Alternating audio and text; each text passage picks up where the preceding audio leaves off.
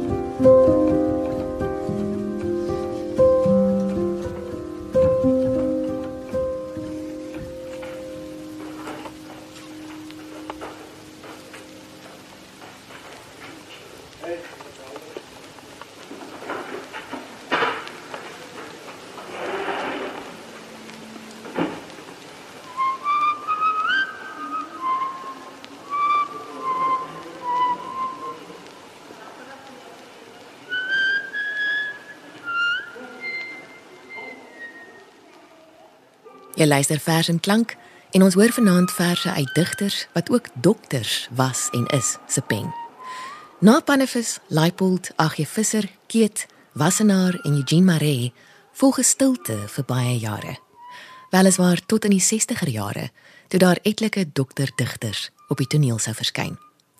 Casper Schmidt sou minstens aanvanklik die grootste impak maak, asook sy tydgenoot en vriend wat saam met hom deel van die groepering avant-garde digters wat in daardie tyd in Pretoria bedrywig was, Phil Du Plessis, wat 11 bundels in Afrikaans publiseer en in 2011 in Kalkbaai oorlede is. Kom ons luister nou hoe Johan Nel die gedig, dis eintlik 'n reeks gedigte, Digter Liefde voorlees. Dit kom uit Engel uit die Paradys. In Oktober, toe die wind gaan lê en die somerbotsels oopspring, het liefde vars in my gebloei. Toe kokkewiete in my tuin sing, staan ek onder ligroos tamariske, oplaas gevuur met 'n nuwe versigtiging. Ek het verlange eerste in jou oë gevind, toe ek aan jou bors lê en praat van my begeerte. Ek kon so 'n verwerklikte droom nie glo of begryp nie want so ervaar jy verrukking waarmee die dood jou tref. Ek kla nie, ook nie as die hart wil breek nie. Ek het gesien hoe in die duisternis in jou bors 'n slang stadig vreet aan die appel aan jou hart. Met die oggend in my tuin praat die gras toe ek 'n blom pluk. Jy is ook sterflik kyk ook na die leed van jou geliefde. Kyk hoe hy ellende proe in die kronkels van verraad. Jy is 'n engel deur 'n vrou ingesluk. As ek in 'n droom weer by jou is, kyk jy my meewarig aan en gee my 'n stowwerige taksipres.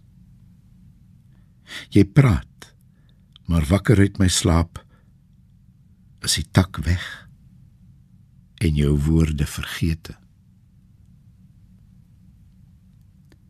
Jy het ingange tot jou lyf vir my moes toemaak. Dit was koud, soos langs 'n lijk. Dan trek jy weg uit ons huis en ek kan nie meer nakend by jou lê nie. Moet ek nog droom? Ek sien jou stil lê in jou graf. Jy het my dan die eerste leed aangedaan. Maar vir die laaste keer. Ek kyk verlate voor my uit. Al was ek geliefd en het ek lief gehê. Ek bedek my kop vir altyd en leef net binne in my wond. Buite is die wêreld dood. Daardie plek waar jy eens bestaan het. Henk Raal, ons volgende digtende dokter, studeer aanvanklik tale en later medies waarin hy in 1969 kwalifiseer. Hy publiseer uiteindelik 6 bundels en in sy 4de bundel, Donker van Mere, gebeur daar iets wat as 'n waterskeidende moment beskou kan word, so skryf Hendrik J. Botha. Vir die eerste keer verskyn daar 'n gedig deur 'n dokterdigter in Afrikaans wat sy beroep betrek. Dit wat later in Engels tipeer sou word as medical poetry. Hoewel daar in Afrikaans reeds mediese gedigte gepubliseer is deur digters sonder mediese agtergrond, verskil die invalshoek ten opsigte van die onderwerp uiteraard. Die een is vanuit die oog van die pasiënt, terwyl die ander vanuit die oog van die geneesheer benader word. 'n Voorbeeld van 'n sogenaamde mediese gedig deur 'n digter sonder mediese agtergrond is die gedig Mamek to Me van Eybers uit die bundel Einder. Ons gaan nou luister na Raal se gedig Molekulêre biologie. En is interessant om die twee gedigte te vergelyk. Johan Nel lees dit voor. Van antwoord weet geen enkel woord van waarom in die sel daar chaos steel en woekerende kankers kom waar funksie orde was. Vraag is donker op 'n vraag en dwaal op buitekamer rond waar selmembrane breuke is van is en wat nie word. Vir ons wat soek die helder spel van dink en van verbeel, vir ons die oomblik in die lig wanneer 'n brokstuk pas in die geheel. Ongelukkig word daar in Raal se laaste twee bundels nie voortgebou op die tema van mediese gedigte nie en sou ons tot 1986 moes wag vir die volgende dokterdigter, naamlik Menno Stenford, om die tematiek vanuit die oogpunt van 'n dokter betekenisvol te ontgin. Stenford was 'n klasmaat van Phil Du Plessis en 'n tydgenoot van Casper Schmidt aan die Universiteit van Pretoria se mediese skool. Hy is 'n narkotiseer en skryf dan ook die eerste gedig in Afrikaans oor narkose. Hy noem die vers Spel. Die volgende verskyning van 'n dokterdigter op die Afrikaanse toneel sou eers 15 jaar later wees met die verskyning van 12 gedigte in Nuwe Stemme 2 van die Bloemfonteinse internis Gilbert Gibson. Hy sou dan met 'n solo-bundel Boomplaats debuteer in 2005 en daarna tot op hede nog 4 bundels publiseer wat almal baie goed ontvang en met verskeie pryse bekroon word. Gibson is duidelik die dokterdigter in Afrikaans wat die grootste impak sou maak sedert Leipold en Visser. In sy eerste twee bundels is daar wel spore van sy werk as dokter, dus wat ons sou kontipeer as mediese poësie. Maar daarna verdwyn dit grootliks by sy laaste drie bundels. Kom ons luister nou na sy vers ICU. Hierdie vrou lê roerloos vol geventileer, verslap, edemateus, versaak. Siek van kollektiewe geheue, soos vingers taai van springmieliebolle, van palms oor beskuitdeeg, van arms wyd soos die rooi vloer stoep wat hulle op die plaas gehad het. Van skouers gebuk onder die sagte woord van heupe wat geselluliet getuie speel vir sondagetes jare terug van bene ouer en slimmer onder 'n gestoelte in die kamer wat sy in die ouer huis gehad het. Van voete waar die artritis bly knaag. Van 'n kop wat nou verstil op die kussing. Onder die monitor die intraveneuse lyne. Die juk van verlang. Familie wag in die gang. En dan nog een deur Gilbert Gibson, Woede het uit die bundel Vry. Woede het die narratiewe obsessie van my tong geword. My arms omring jou in die eisige fatalisme van leemte. My hande is die verhaal van 'n blanko cheque en jy vul dit in. Ek kry 'n werk en ek ry na werk en bewerk my skuld. My voorstedelike skouers het 'n geografie. My vingers voel die kortstondige landskappe van woorde. My ore groei om my kop in stilte. My oë bewaak geen onskuld nie. My vel gaan bruin onder die roes van versoening. My skene pleit bo die grond 'n lewe uit. My nek buig elke dag oor hospitaalbed. My naels breek as hulle oor verliese groei. My hart klop die mislukte aard van stilte. My hare is 'n vorige offensief waarin jy die onderspit delf. As ek wakker word, is die son die son en my asem bedraad met protes. Aan my verlange is daar geen einde nie.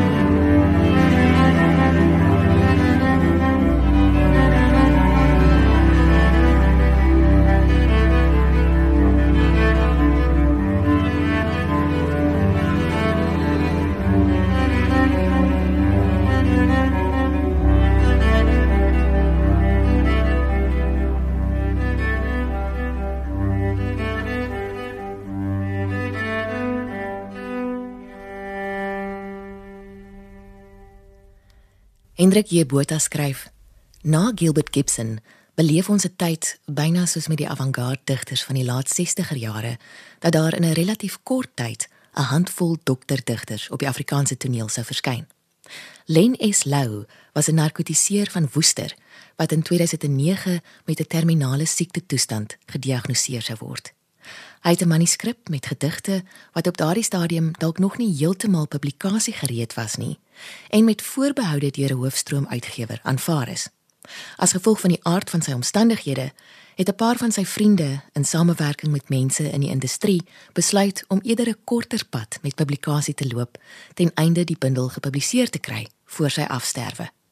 Die bundel is goed deur lesers en resensente ontvang en mens wonder onwillekeurig oor die invloed wat Lou later sou kon hê as die noodlot aan hom 'n ander hand met kaarte uitgedeel het.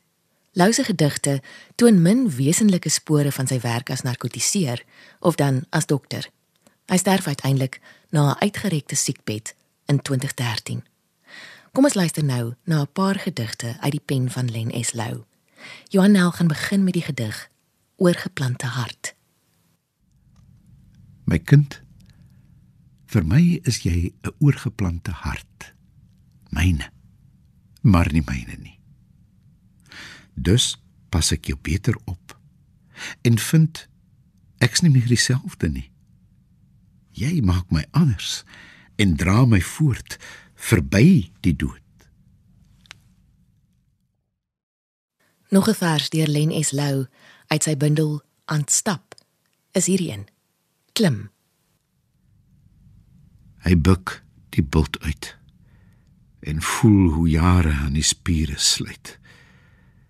Maar halfpad al blaas die omkyk beloftes van vergesigte.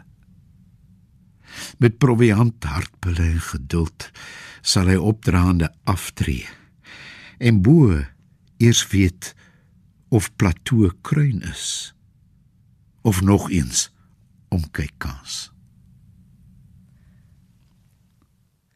En dan die kort vers stil. As dit stil is, hoor jy miskien ook wat net ek hoor. Hier diep in die versteekte labirinte van binne toe ore. Die musiek van ewewig. 'n Harmonie wat gisters gewyd maak en die môres magie. Die laaste gedig wat Johan Nel van Len S. Lou gaan voorlees, noem hy Slaaptyd storie. Sans as die silwer maanlig die see kielie onder die blaaie van branders. Dan ry glipblink robbe branderplank en guggel en koggel die vatterige tiener seekatjies. Die reus in die middel van die see speel saam en mits dit mag uitglip, druk hy die see se prop met sy groot toon vas en roer en roer en roer dat brander en skuim uitkok. Met swaaiende heupe wat blink van die water en die maan sing 'n nimf trefferliedjies en met sy eenoor teleskoop hou ene Jesus aandagtig alles uit die hemel dop en vergeet van kanker en kernkrag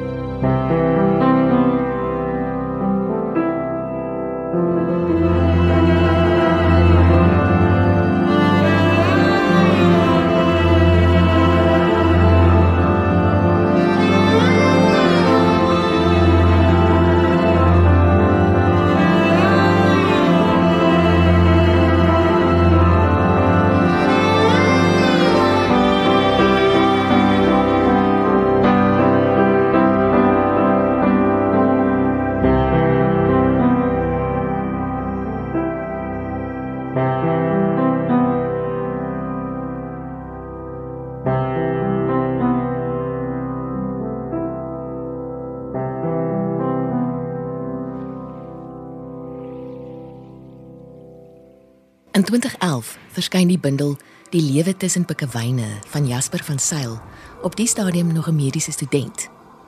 Van Sail skryf reeds poësie van skooldae af en sy gedigte toon geen spore van sy mediese agtergrond nie, maar hy word baie gunstig deur lesers en resensente ontvang. Hy word beskou as 'n jong digter met enorme potensiaal. Hy antwoord 'n vraag juis oor die groot aantal Afrikaanse digters wat uit 'n mediese agtergrond kom, so: Ek het begin skryf lank voordat ek in hierdie wêreld beland het. Maar die mediese omgewing is baie poëties. Omdat jy te doen kry met die weerloosheid, angs, seer, woede en soms ook die uitbundige geluk van die mens. Verder is daar natuurlik ook 'n heel ander dimensie aan ons bestaan in die vorm van fisiologie, microbiologie, farmakologie. 'n Klein wêreltjie waarvan mens omtrent niks weet nie. Die onontdektheid daarvan boei my geweldig en ek glo dat dit wel 'n invloed op my skryfwerk het. In 2012 verskyn Henny Norkee, 'n internis van Stellenbosch of die gewaande sjamaan van Goodwood op die toneel.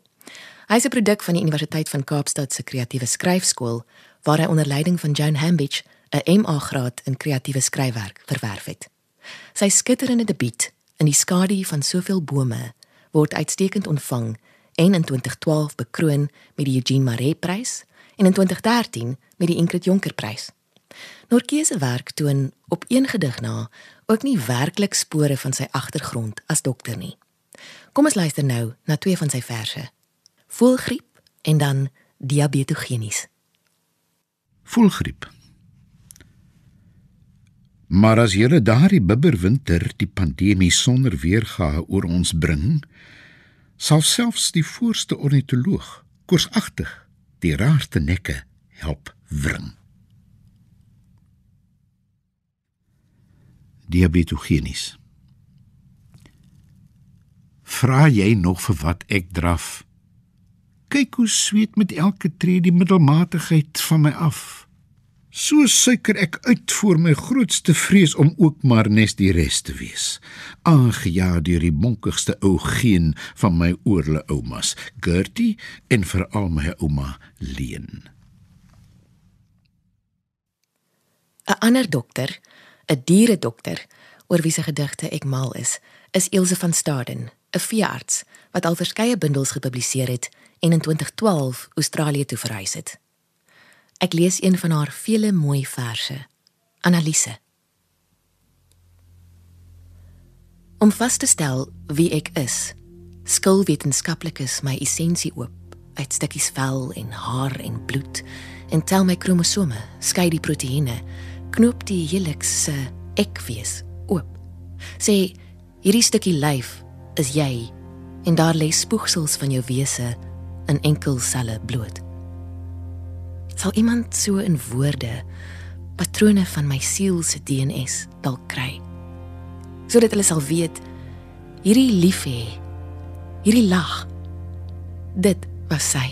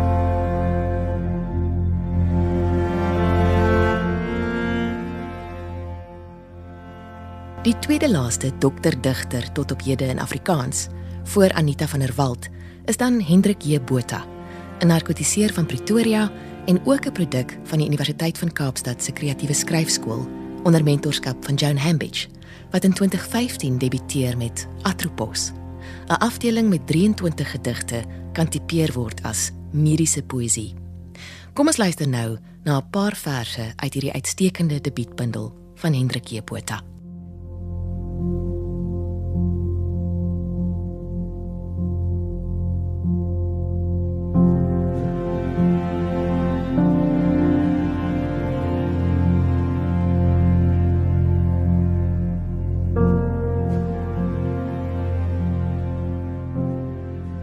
Breindood.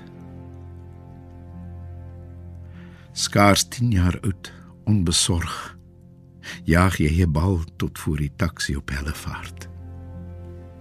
Steriel op 'n teatertafel afgedek, ventilator, monitors, oorplantingspan. Volledig opgestel. 'n Hart fladderend bevry. Lewer en niere sorgvuldig afgeklem, losgesny korneas geskil. Na afloop van die makabere tafereel tussen geteelde mure net ek en jy donker wond en dooie oë sonder iemand om tot slot jou of my hand vas te hou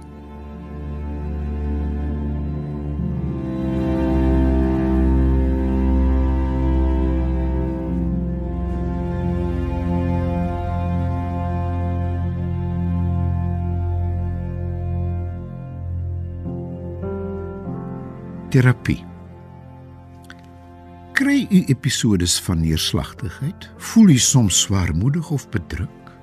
Anders gestel, ly u aan die senuwees. Daar was een antwoord toe ter tyd. Soek troos en vind berusting in God se wil. Nou word ons diagnosties getipeer depressie, bipolariteit of angsversteuringsdalk gehospitaliseer, gesigoterapie en chemies aangespreek veral. En pleeg ons selfmoord. Omdat ons kan.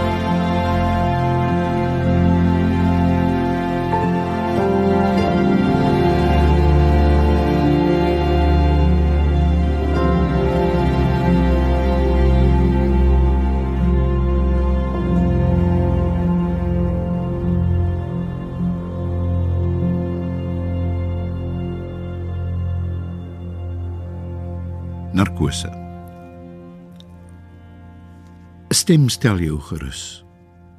'n Anonieme naald se prik laat jou dobber soos 'n vissersboot of wandel op die water. Tussen rots en klip lê jy uiteindelik gestrand. Verblind deur kuswagligte wankel jy aan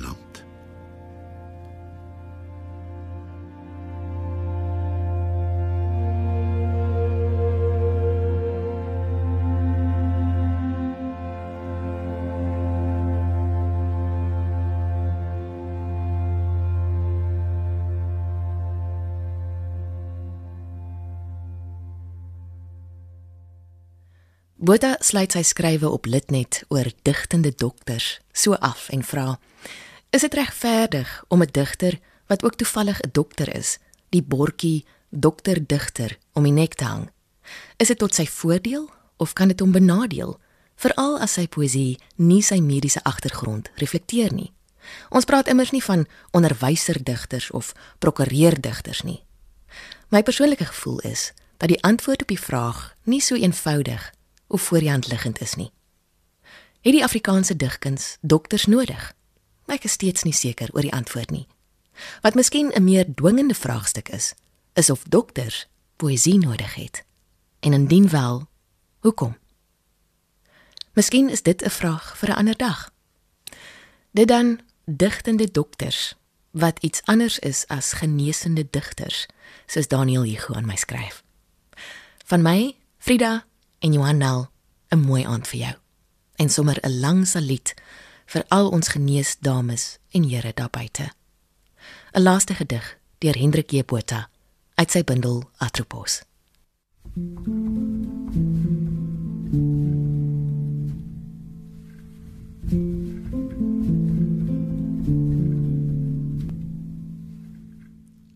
Cerebraal gestrem. Vooraf besoek ek jou. Jy lê privaat, gestut teen kussings, bene spasties opgetrek. Jy stotter. Spieksel kruip dun soos 'n slakspoor langs jou mond. Jou ma praat angstig oor narkose. Jou pa swyg eenkant, soos 'n ornament. Jy wil net weet of ek jou hand sal vashou as jy alleen is voor hulle opereer. Thank you.